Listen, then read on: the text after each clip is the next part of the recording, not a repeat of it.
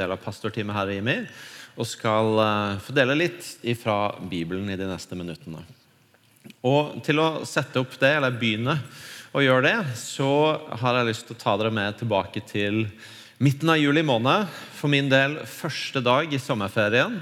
Hadde selvfølgelig et helt eh, semester bak med det det innebærer. Vi hadde hatt eh, Åpen himmel sommerfestival, som vi arrangerer, og som ofte er en sånn du tar ut det siste du har for det semesteret. Så veldig mange av, eh, av folka som jobber her i IMI, går i ferie etter det. Jeg hadde faktisk tatt ei uke til jeg, og talt på en sommerkonferanse til. Vært på Oase.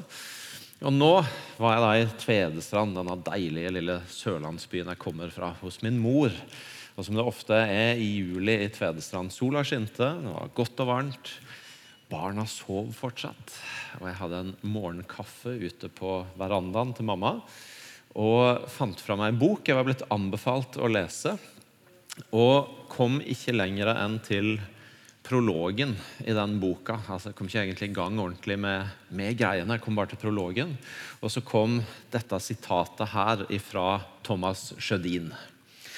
Hvilen har blitt upopulær. Vi unnskylder den som om den var en synd.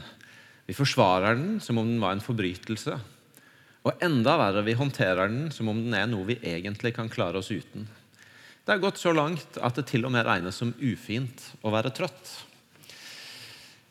Og Det er jo et ganske innholdsmetta sitat som uh, sier, noe, sier ganske mye og egentlig og utfordrer ganske godt.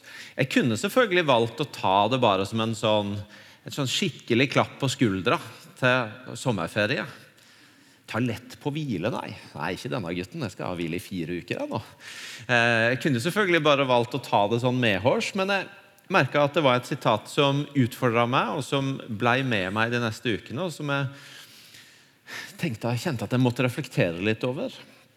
For og Det jeg skal si nå, det er i aller høyeste grad såkalt svogerforskning. Jeg har ingen stats eller tall å backe det opp med, bare mine egne opplevelser. Men min oppfatning er at for en sånn 25 år siden, når jeg var sånn i bikkepunktet mellom seint tenår og tidlig 20-år, så kunne i hvert fall jeg ha en sånn forståelse av at det å være travel det var litt kult. Det kan hende at det sier mer om meg enn om noe annet. Men, men dette var jo før vi hadde, alle hadde kalendere på mobilen. og sånt, så Folk hadde disse filo, tjukke filofaksbøkene eller kalenderbøker. og Eh, det var en sånn opplevelse av at det var litt kult at de var fylt med en del. At det skjedde en del. Det var litt status at en, at en hadde mye å gjøre og kunne fortelle om alt det viktige en, eh, en holdt på med.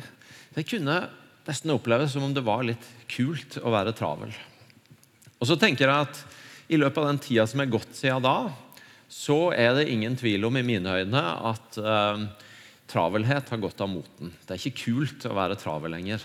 Vi kan i større eller mindre grad være fanga av travelheten. Det kan definitivt jeg være. Det tipper jeg den andre her i salen òg, som av og til kan kjenne seg fanga av. Men det er ikke noe vi skryter av. Det er kanskje snarere noe vi skjems av eller beklager, av noe vi slår oss på brystet med. At vi innimellom ender opp med å ha det travlere enn det vi er tilfreds med, eller det vi syns er kjekt i møte med omgivelsene. Eh, travelhet er noe jeg tror ganske mange tenker at ikke er så kult. Men her står det, skriver Thomas Sjødin, hvilen har blitt upopulær. Vi unnskylder oss for den. Vi, vi føler for å forsvare oss når vi tar den i bruk. Og jeg kjenner meg litt igjen i det. Det at travelhet er gått av moten, betyr ikke nødvendigvis at hvile er kommet på moten. Det er ikke nødvendigvis sånn at fordi om du ikke skryter av å være travel, så syns du det er kjempekult å si at du skal hvile? Og jeg måtte ta meg og reflektere over ja, jeg, tror jeg, jeg tror jeg unnskylder meg en god del ganger når jeg kjenner på at nå må jeg ta et valg som handler om at jeg trenger å hvile. At jeg sier nei til noe, eller jeg må stå over noe, eller ikke bli med på noe fordi jeg har egentlig ikke noe bedre grunn enn at jeg tror det er lurt for meg å hvile i dag. Og eh, kanskje det er noe du innledningsvis òg kunne bare reflektere litt over, er når unnskyldte du deg sist for at du trengte å hvile? Når følte du at du måtte komme med en forklaring for å bare velge å gjøre ingenting? I eh, Disse Sist søndag så lanserte vi et fokus som vi skal ha i to år framover, som vi har kalt Re, Re Jesus.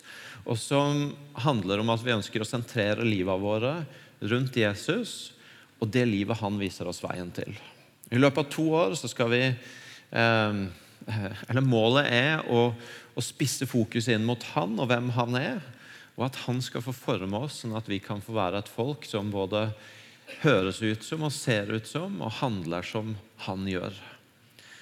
Og I løpet av de to åra har vi sagt at vi skal ha ti sånne praksiser som vi finner i Jesu liv, som vi skal la oss utfordre av.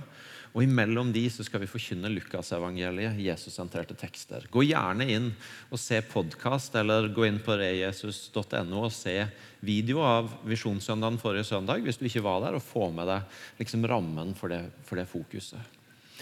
Men den første praksisen ut den begynner i dag, og den har vi altså kalt hvile.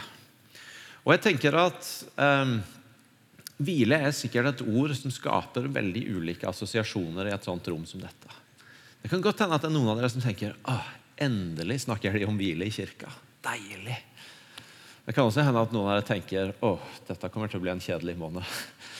Um, det kan hende at noen tenker hvile, stress. Enda så selvmotsigende det måtte høres ut. Litt sånn nesten enda en ting jeg skal få til. I tillegg til alt det jeg holder på med, så skal du nå også ha meg til å fikse det å hvile. Eller du kan hende du tenker har, ikke, har vi ikke noe mer viktigere å holde på med? Må vi ikke snakke om noen som skal bli frelst eller helbreda, eller et eller annet misjonsland vi må inn i? Vi har ikke tid til å snakke om hvile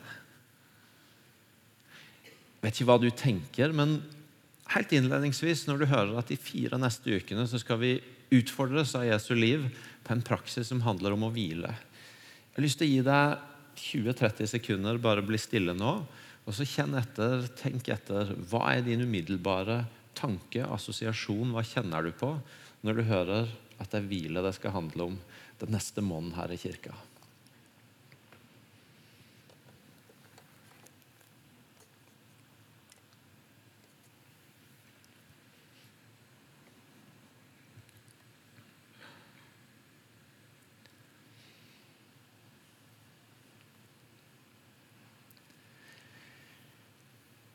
Selv om jeg nå har sagt noe, presentert min høyst personlige svogerforskning om eh, på en måte utviklingen av moter innen travelhet og hvile, så er jeg ganske sikker på at den spenninga mellom travelhet og hvile, den er ikke kommet de siste tiåra. Det er tror jeg, noe som har levd der ganske lenge. Og det er en spenning som vi kan møte i Bibelen også. Jeg har lyst til å ta oss med inn i en bibeltekst som hvis du har gått en del i kirker og kristne sammenhenger, så er det, så er det en sånn ganske kjent tekst med noen ganske sånn tydelige karakterer som er lett å relatere til den spenninga jeg nettopp har snakka om, og til det emnet vi skal snakke om, det fokuset vi skal ha de neste ukene. Det står i Lukas 10, hvor vi møter Jesus og to søstre, fra vers 38. Da de dro videre, kom han til en landsby der en kvinne som het Martha, tok imot ham i huset sitt. Hun hadde en søster som het Maria, og Maria satte seg ned ved Herrens føtter og lytta til hans ord. Men Martha var travelt opptatt med alt som skulle stelles i stand. Hun kom bort til dem og sa, 'Herre, du bryr deg ikke om at min søster lar meg gjøre alt arbeid alene.' 'Si til henne at du skal hjelpe meg.' Men Herren svarte henne, 'Martha, Martha, du gjør deg strev og uro med mange ting.' Men ett er nødvendig. Maria har valgt den gode del, og den skal ikke tas fra henne. Jesus som kommer tilsynelatende på uanmeldt besøk til Martha og Maria, og to søstre som responderer ganske så ulikt på at Jesus kommer. Maria står det at setter seg ned med Jesus. Det står at hun setter seg ved føttene hans og lytter til han og det han har å si. Mens Martha hun begynner å ordne og styre og stelle i stand. Og det er klart at Denne historien og disse to figurene har gjennom åra gjerne fått ganske sånn tydelige og til og med kanskje litt karikerte roller som Maria som den fromme som bare sitter ved Jesu føtter og lytter, mens Martha er hun herre stressdama som liksom bare styrer og elter og ordner. Så er det jo ganske urettferdig, for det Martha gjør, er jo det ganske mange av oss sikkert ville gjort hvis noen kom på uanmeldt besøk. Nemlig prøvd å ordne til og gjøre det litt hyggelig. Eh, det er jo ikke det at Martha gjør noe som er fryktelig galt. Men det er kanskje denne her kontrasten som oppstår når en føler at en må gjøre noe, og så gjør en det kanskje mer av plikt enn av glede. Og så ender han opp med å irritere seg over de som ikke hjelper til og er med. Og så er det jo når, i dette møtet mellom Martha og Jesus at kanskje noe av dynamikken i teksten virkelig oppstår. Når Martha sier ja, men 'Jesus, hjelp meg nå. Få henne til å gjøre noe, hun òg. Ikke la meg stå her alene.' Og så er Jesu respons ganske utfordrende. Og Det er masse i denne teksten, men jeg har lyst til å bare ta tak i tre formuleringer i forhold til det vi skal snakke om i dag. Og Det første er at når Jesus skal svare Martha, så begynner han med å si du gjør deg strev og uro med mange ting. Når jeg har tygd på denne teksten i noen uker, så har akkurat den formuleringa der tatt tak i meg. Du gjør deg strev og uro. Jesus er ganske ansvarliggjørende. Han, Martha er litt sånn se, se, hva som skjer her, da. Jeg styrer og ordner, mens, men jeg får ikke noe hjelp. Og I stedet for å bli med på den, så bare peker Jesus tilbake og ansvarliggjør Martha. Du gjør deg mye strev og uro. Og jeg husker For noen år siden så leste jeg en bok av en som heter Danny Silk. Eh, den het 'Keep Your Love On' og, og handla en del om hvilke rammer vi trenger å sette rundt livet vårt for å i hans engelske språk 'keep your love on', for å kunne bevare det og møte mennesker på en god måte. Og Da sa han at noe av det verste vi mennesker kan gi slipp på, det er det at vi har et valg. Det er det å begynne å snakke og opptre som om vi bare må en hel masse ting. At vi har ikke valgt det sjøl. Det, det, er ikke våre egne valg, men det er bare jeg må og jeg må og jeg må. Og så opptrer vi som at vi ikke har valg. Jeg tenker Jesus han ansvarliggjør Martha ganske godt her på at du gjør deg mye strev og uro med mange ting. Han utfordrer deg på å ta eierskap til det hun holder på med, til det hun velger å gjøre, til det som er om du vil, aktivitetsnivået i livet hennes, og sier du gjør det. mye strev og uro. Jesus ansvarliggjør. Og så er den neste formuleringa at Jesus sier Maria har valgt. Jesus han utfordrer på valg, på at Maria har gjort et valg når hun sitter der og gjør. Og det tenker jeg er ganske spennende. For det vil alltid være ting som kan gjøres. Det vil alltid være mer på to do-lista. Det vil alltid være flere behov som oppleves rundt oss, og som gjør at vi alltid kan være i det moduset Martha er i. Og så sier jeg Jesus Maria har valgt. Jesus utfordrer på hvilke valg en vil ta i møte med denne tematikken. Maria har valgt. Og til sist så sier han, når han har sagt Maria har valgt den gode del Maria har valgt den gode del. Martha er irritert for at Maria bare sitter der. Men hun har valgt å sette seg ned, hun har valgt å lytte, hun har valgt å være til stede. Og Jesus blir ikke med på å klage på og hakke på henne, men han sier i stedet Maria har valgt den gode del.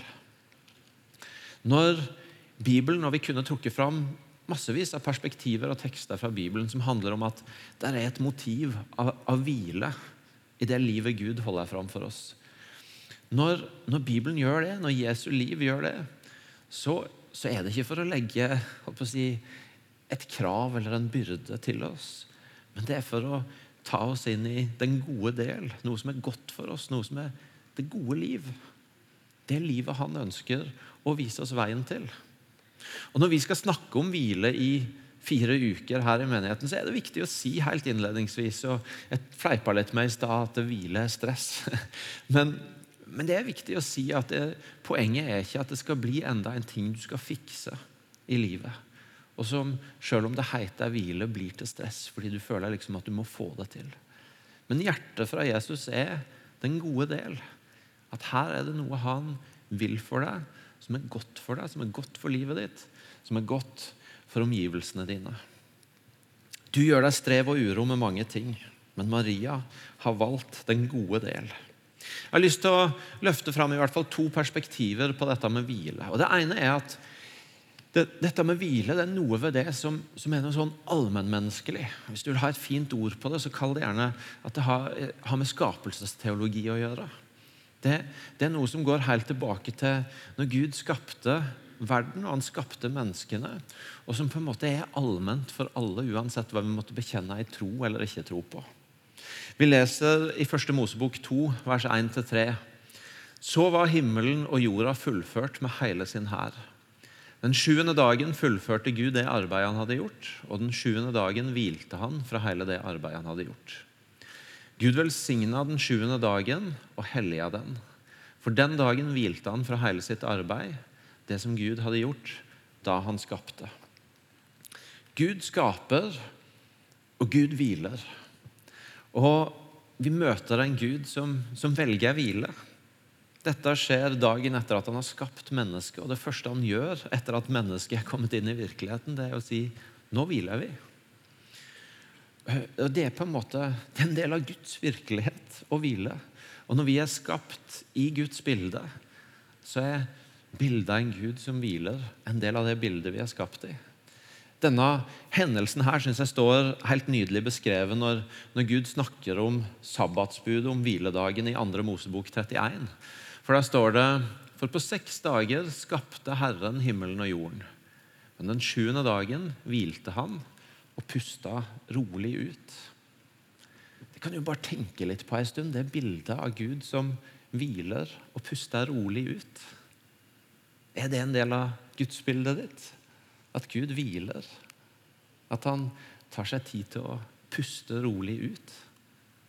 Og Vi er skapt i hans bilde, og vi har med oss i den En del av det bildet er at han er en Gud som også velger å hvile, som også puster rolig ut. Så Det er den ene sida ved det sier med det allmennmenneskelige. Så er det også det at vi mennesker vi er, vi er skapt med grenser. Vi har begrensninger. På den ene sida, ja. Vi, det er utrolig hvor mye vi kan få til, og hvor mye vi kan orke, og hvor mye som bor i oss. Og som av og til, når vi, når vi presses, når vi settes i en utfordring, så, så overraskes vi over hva vi egentlig kan klare å stå i og kan klare å få til. Men samtidig så er det sånn at hvis vi kontinuerlig presser på og utfordrer grensene våre og utfordrer kapasiteten vår Hvis vi, som Sjødin sa i det sitatet jeg leste i stad, at hvis vi behandler hvile som e, noe vi egentlig kan klare oss uten, så er erfaringa at da går det galt til slutt. Det funker ikke i lengda. Det kan være at kroppen sier stopp. Eller det kan være at det rammer oss på andre måter. Det er ingen tvil om at noen ganger, eller en vesentlig del av ganger når, når det skjer ting som kan ha med moralske fall å gjøre, eller med relasjonsbrudd, med dårlige valg, med ting som skjer, så er det en god del ganger at det også kan føres tilbake til at vi har satt oss sjøl under et sånt press. Vi har ikke tatt vare på oss sjøl, tatt vare på en hvilen på en sånn måte at vi tas inn i dårlige valg, i dårlige sirkler, i ting som ikke bygger oss. Vi er skapt med begrensninger, og hvis ikke vi forholder oss til dem, så vil det på et eller annet vis møte oss. Så hvile det er en del av oss fra skapelsen av, som skapte Guds bilde. Og det er noe som møter oss fordi vi er skapt med begrensninger. Og så hadde jeg lyst til å vise dere bare en liten ting. fordi at eh, Jeg har en venn som heter Steve. Han jobba i mange år innenfor kirke og, med kirke og kristne settinger med å hjelpe folk med disippelgjøring, med menighetsliv og sånne ting. Og så For en drøye ti år siden så kom det til et punkt i livet hans hvor han gjorde et skifte og tok med seg mange av de prinsippene og gudsrike verdiene og redskapene som han hadde jobba med i en kristen kontekst, i et kristent språk. Og så lagde han enkle verktøy i et nøytralt språk. Han tok bort det kristne språket. Og så lagde han enkle redskap som han ville begynne sammen med kollegene sine å bruke i alle mulige sfærer av samfunnet som gode redskap for å bygge ledere, for å bygge organisasjoner, for å hjelpe folk til å leve sunt og godt i de organisasjonene, de settingene de var i. Og Et av de redskapene han tok med seg, som jeg tenker det lukter ganske mye Guds rike av når vi snakker om hvile, det er et redskap som han har kalt de fem gira. Jeg skal ikke undervise det veldig grundig nå, men jeg skal bare dra dere kjapt gjennom det, og så skal jeg gjøre et poeng av det. For snakker om fem gir, kan, fem modus, som vi kan operere i i livet vårt gjennom, gjennom dagen, gjennom uka. Femte gir, som er et sånt fokusmodus hvor vi er i sonen og er fullt fokuserte og bare driller ned på en ting. Så snakker han om fjerde gir, som er en sånn get things done-modus, oppgavemodus, hvor du multitasker og får ting unna og bare jobber på. Så snakker han om et tredje gir, som er et sånt sosialmodus, hvor du, hvor du er med folk og mingler og småprater og sosialiserer og kobler. Snakker han om andre gir, som er et relasjonsmodus, hvor det handler om å stenge ute alle de andre tingene og være til stede med, om det er venner eller familie, de du er med, og bare gire ned og være til stede i relasjon med de. Og Så snakker han om førstegir, som er lademodus, hvilemodus, hvor du bare kobler av og lader. Og så har han også en revers der som eh, handler om at du noen ganger gjør noe som du må rygge litt tilbake og be om unnskyldning, beklage, rydde opp i. Jeg vet ikke om dere har det sånn, men av og til så trenger i hvert fall jeg også gå i revers og rydde litt opp etter meg sjøl og ting jeg har stelt i stand. Dette er jo et redskap du gjerne må ta et bilde av og eh, bruke på, på, jobben eller hvor du måtte være hvis du ikke helt vet hvordan du skal snakke om at i kirka så har vi snakka om hvile og sånne ting, og du vil ha et litt sånn nøytralt språk på det, så kan du vise dem dette og spørre Åsten, eh, hvor lenge siden sist du var i første gir.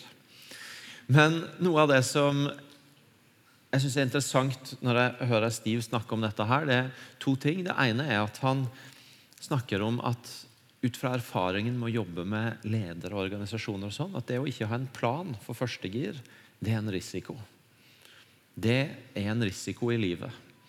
Eh, det er ikke bare sånn at det å, det å av og til kunne lade og slappe av og samle overskudd, det er en sånn fin ting, det er en overskuddsting. Men de sier veldig tydelig at en av de store risikofaktorene det er hvis du ikke har en plan for første gir. Hvis du ikke har en plan for å lade. Og det andre er at det å ha en, en førstegirstrategi, som han snakker om, en plan for førstegir Og Jesus han, han utfordrer jo nettopp på det å, å velge den gode del. Det, det, er Altså, du trenger det. Han, det, han, han signaliserer tydelig at, at det å komme i førstegir, eller det å komme i hvile, det er ikke noe som kommer av seg sjøl. Det er noe du må velge, det er noe du må ha en plan på.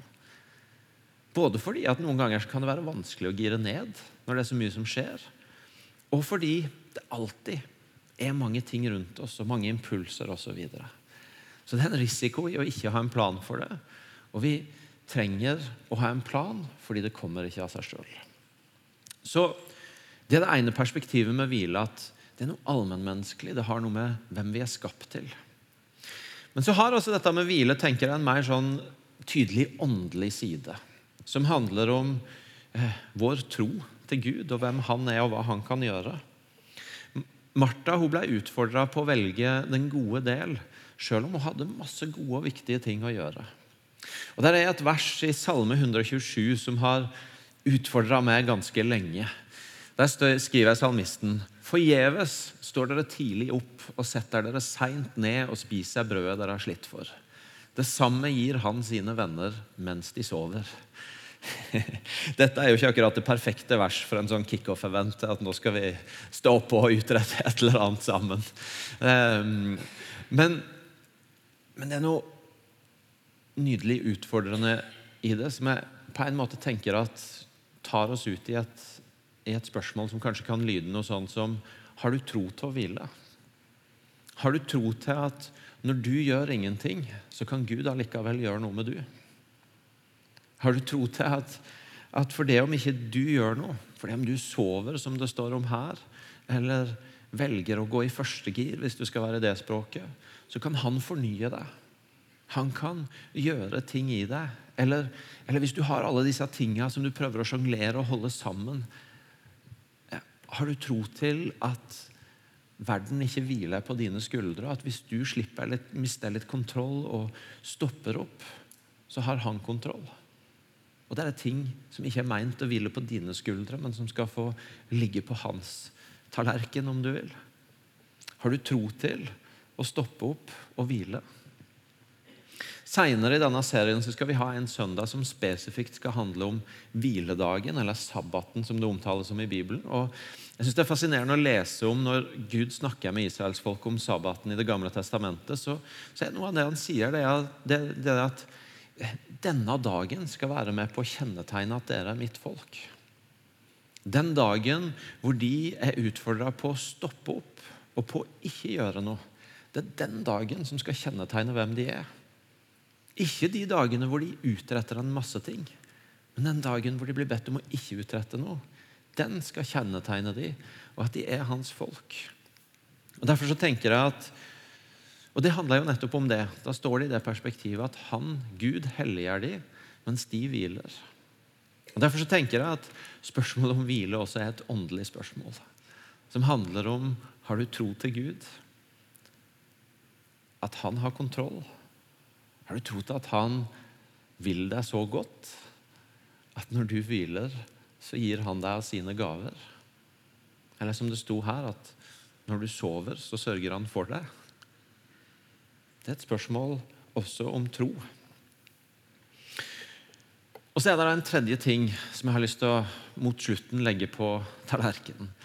Um, og Det handler om hvile som en vei til kjærlighet. Fordi når dette perspektivet begynte å jobbe med for en to-tre år siden, så starta det med at jeg leste en bok av en som heter John Mark Comer, som har skrevet en bok som heter 'The Rootless Elimination of Hurry'. Altså eh, ja, Det hadde jeg ikke tenkt på hvordan jeg skulle oversette på direkten. Men eh, eh kompromissløs eliminering av travelhet. Det er en grei oversettelse. Ja. Eh, eh, og der skriver han om det store hvorfor til å sette et sånt fokus. Eh, og Han sier at travelhet er det åndelige livets største fiende.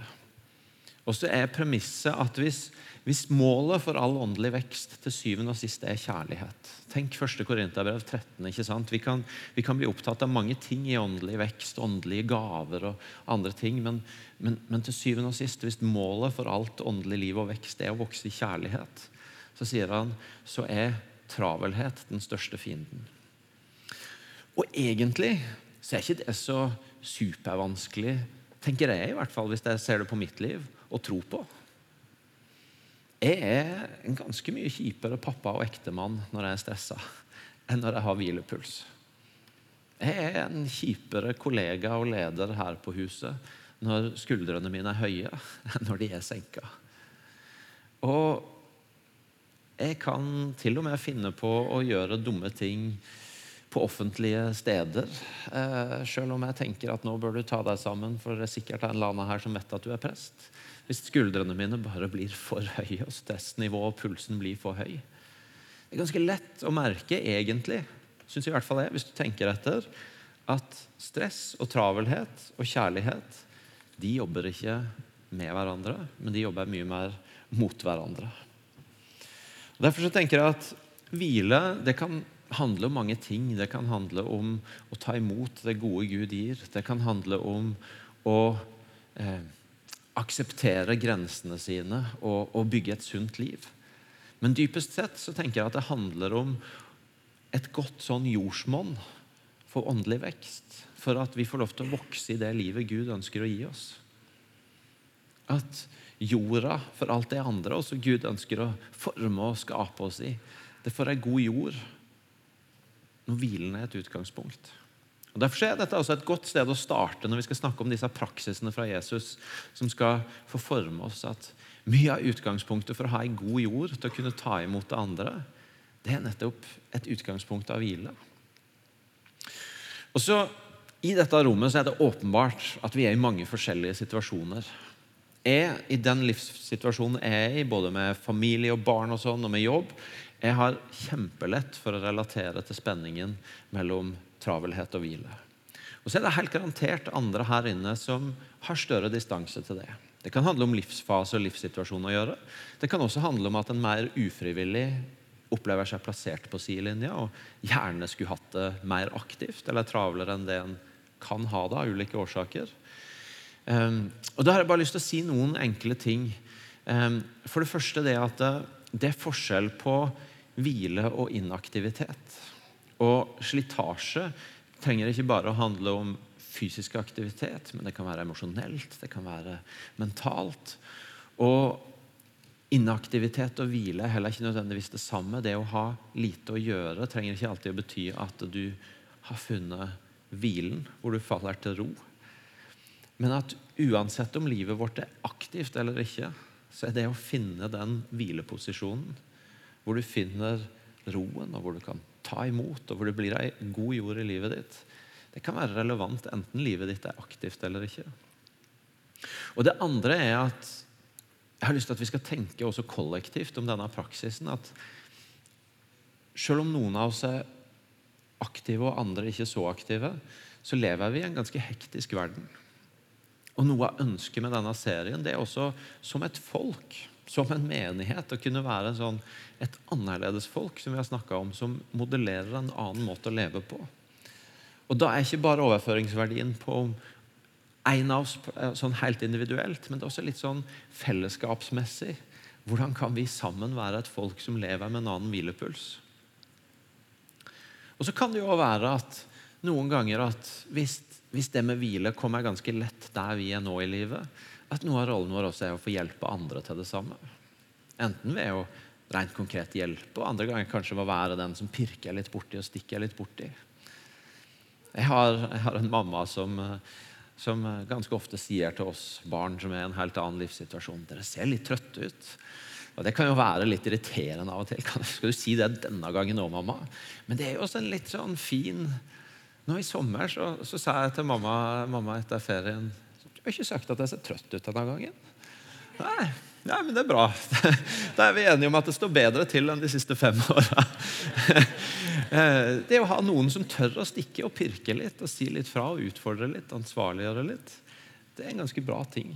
Kanskje kan vi hjelpe hverandre. Vi skal begynne å nærme oss slutten.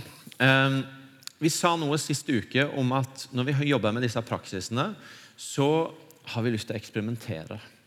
Vi har ikke lyst til å gi én oppskrift på hvordan hvile ser ut. Og jeg vet at hvis jeg skulle stått her og skapt bilde av hva hvile er, så ville jeg skapt et bilde som for mange av dere ikke hadde funka. Det hadde sikkert blitt sånn introvert mann i midten av 40-åra som sitter og leser bok i en stol, eller noe sånt. Eh, og så vet jeg f.eks. at han har en kollega som heter Halvor, som ikke leser så mye bøker. Eller nå skal ikke jeg si at Halvor ikke er belest, for det er han sikkert, men han hviler mye bedre med å gå på jakt, f.eks. Um, og jeg har ei kone som, når jeg hviler på den måten jeg nettopp sa, får helt fnatt og uh, tenker jeg må gjøre noe helt annet. Så vi trenger å eksperimentere, fordi jeg kan ikke gi dere en oppskrift for hvordan du går i førstegir, og hvordan du finner hvilemodus.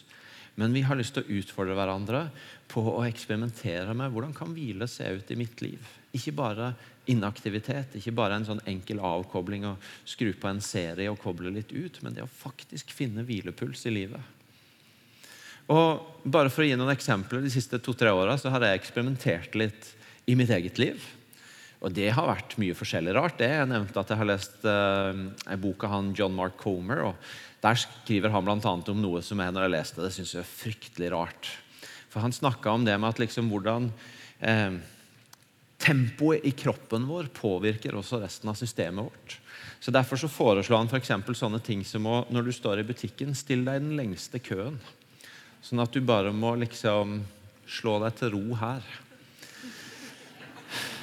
Det høres kult ut. Hæ? Nå, nå er vi på sporet av noe, Jimmy. Still dere i den lengste køen, folkens. um, det høres kjemperart ut. Men jeg har jo gjort det en del de siste par-tre åra, og det funker litt òg, altså. Det funker litt òg. Jeg sier ikke at det er hele svaret på å finne hvilen i livet. Men, men um, det er noe med det. Du blir tvunget til å bare puste litt ut. Og ja, ja, nå står jeg her, da. Og har det rolig.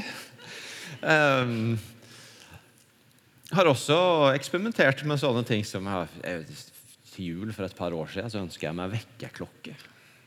Det var jo så vidt folk skulle klare å få tak i, men de fant det til slutt. Og så har jeg begynt å ikke ta med meg mobilen inn til senga på soverommet. og så så har jeg god gammeldags vekkerklokke i stedet, sånn at jeg ikke sovner og våkner til alle disse inntrykkene med en gang. Nå får vi se hvor lenge den overlever, fordi det er så utrolig mye knapper på den klokka at jeg klarer aldri å skru den av idet jeg våkner. Så for å ikke vekke andre, så må jeg ta, ta den med meg ut. Og min kone, som er sånn ryddefrik, hun er ganske opprørt over at den klokka står alle mulige steder rundt om i huset. Så det kan hende at den ryker snart, men den har i hvert fall Ja, der var noe der. Jeg har også eksperimentert litt med det Bibelen kaller hviledag, eller sabbat. Ehm, det er et spennende prosjekt når du en familie på fem og tre barn og sånt. Eh, hvordan ser det ut å ha en hviledag sammen? Vi har noen sånne stjernehistorier som en av de første gangene hvor da, da, prøver vi å ta en dag hvor vi skrur ned tempoet, skrur av skjermene mye mer, samles rundt bordet. Eh, spiser godt sammen, snakker sammen, spiller sammen. Er, er sammen og tar ned tempoet. En av de første gangene så spiste vi og hadde det fint sammen. og Etterpå så holdt barna på å gå på veggene av å ikke få lov til å bruke skjermene sine. Og så begynte de å leke podkast, vikingpodkast, som har blitt et sånn lite eventyr i vår lille familie. Så det var faktisk hvile. Nå skal ikke jeg gå ta det veldig langt og åndeliggjøre det å drive fotballpodkast, men, eh, men, det var faktisk hviledagen som Gud har pekt på oss, som var startpunktet for noe som har blitt en veldig kjekk og kreativ greie for oss.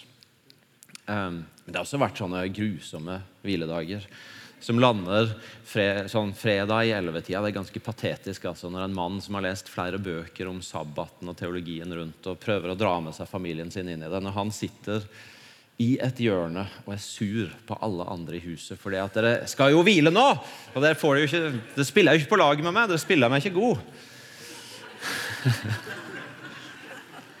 Nei, det er stusslig.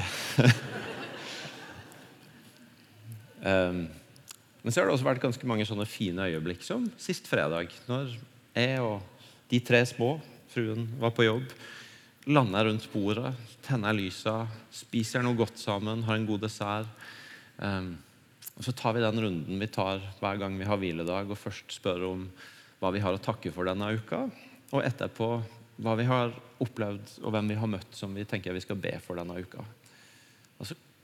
Faller roen rundt det bordet. Da, og Vi ser hverandre, og vi hører om takknemlighet for voksne på skolen og for venner og for ting en får være med på. Og så, og så får en øye på at ja, en vil be for en annen på laget som, som mista mammaen sin før sommeren. Og, og, så kommer det opp andre sånne ting, og så, så lander vi faktisk og får hvilepuls og merker at Gud er en del av virkeligheten vår òg, i den hvilen. Og så kunne jeg gitt mange andre eksempler. Det er ikke sikkert at noen av de jeg har gitt nå, funker for du.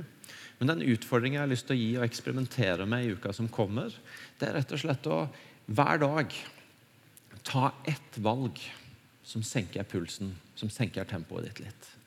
Hver dag ta ett valg. Og På vei inn her så fikk du, som Geir sa, et sånt klistremerke. Oi, jeg har bare Nei, der var den. Eh, et sånt klistremerke så Jeg har for festa det. Det er altså symbolet vi bruker for denne praksisen hvile. Så jeg har for festa det på mobilen min. Fest det på et sted som gjør at du ofte ser det. Og ta det som en påminner for hvilket valg tar jeg i dag som tar ned tempoet mitt litt. Er det å stille meg i den lengste køen? Eller er det å finne meg en stol i stua som jeg skal sitte i et kvarter hver dag og bare være rolig? Er det å skru av mobilen i en halvtime? Er det å gå en tur? Er det å uh, si til barna at nå må dere klare dere sjøl i uh, eh, 20 minutter etter middagen, for nå skal vi bare sitte her litt uh, og ta det med ro? Eller er det noe helt annet? Ett valg i løpet hver dag denne uka som blir et eksperiment i det å skru ned tempoet. Og så har vi også, For du som har lyst til å fordype deg, så anbefaler jeg gjerne den boka jeg starta med i dag, 'Mens du hviler' av Thomas Sjødin. Hvis du har lyst til å liksom ha noe drahjelp av noe å lese på. Den er utrolig fin, veldig tilgjengelig og fins ute i bokutsalget etterpå. Og så har vi eh, lyst til at dere jobber med dette i huskirkene eller i vennegjengen eller i et eller annet mindre fellesskap du er i. Sa noe om det sist søndag òg. Finn noen du gjør disse praksisene sammen med. Og Da har jeg tre spørsmål. Det ene er hvilket forhold har du til hvile? Og Det andre er hvordan utfordrer Jesu ord til Martha og Maria deg? Og Det tredje er hvordan ser hvile ut i ditt liv? Hvilket forhold har du til hvile? Hvordan utfordrer Jesu ord til Martha og Maria deg? Og hvordan ser hvile ut i ditt liv? Grunnleggende så hadde jeg lyst til å stille et spørsmål til oss i dag, og det er har du tro til å hvile? Har du tro til at Gud kan jobbe når du holder opp? Har du tro til at Han i sin godhet unner deg å stoppe opp, og allikevel vil sørge for deg? Vi skal få reise oss opp og lovsynge og be sammen. Og så ser dere at det er kommet et svært lerret der borte. Og Ved siden av så er det et bord med Post-It-lapper. Og Der er tanken at gjennom disse fire ukene etter hvert som du kommer på ideer til hvordan du vil eksperimentere med å hvile, så har vi lyst til at du går og skriver det opp på en lapp og henger det opp, sånn at vi får en sånt svært bilde av hvordan hvile kan se ut. Sånn at de små glimta jeg har forsøkt å vise i dag, blir malt mye bredere ut av det vi sammen kommer fram til. Så La oss reise oss opp, og så vil jeg be en bønn, og så skal vi få tilbe sammen. Jesus, takk for at du inviterer oss til å velge den gode del. Takk for at du inviterer oss til å se at i ditt rike så kjennetegnes vi ikke av alt vi produserer, av alt vi gjør, men at det er et annet verdisystem. Jeg har lyst til å be deg om at du leder oss inn i dette fokuset på hvile, og viser oss det på en måte som gjør at det blir til hjelp og til nåde og til invitasjon, og ikke til krav og stress. Og at du viser den enkelte av oss hvordan kan dette se ut i mitt liv. Hjelp oss til å se mer av hva dette betyr for oss, hva som er ditt hjerte i dette, og hvordan du ønsker å invitere den enkelte av oss inn i det. Nå ber jeg deg bare, Hellige Ånd, kom og tal til oss. Gi oss påminnere, gi oss ideer, gi oss innskytelser. Og gi oss tro på at når vi hviler, så jobber du i oss og rundt oss. Amen.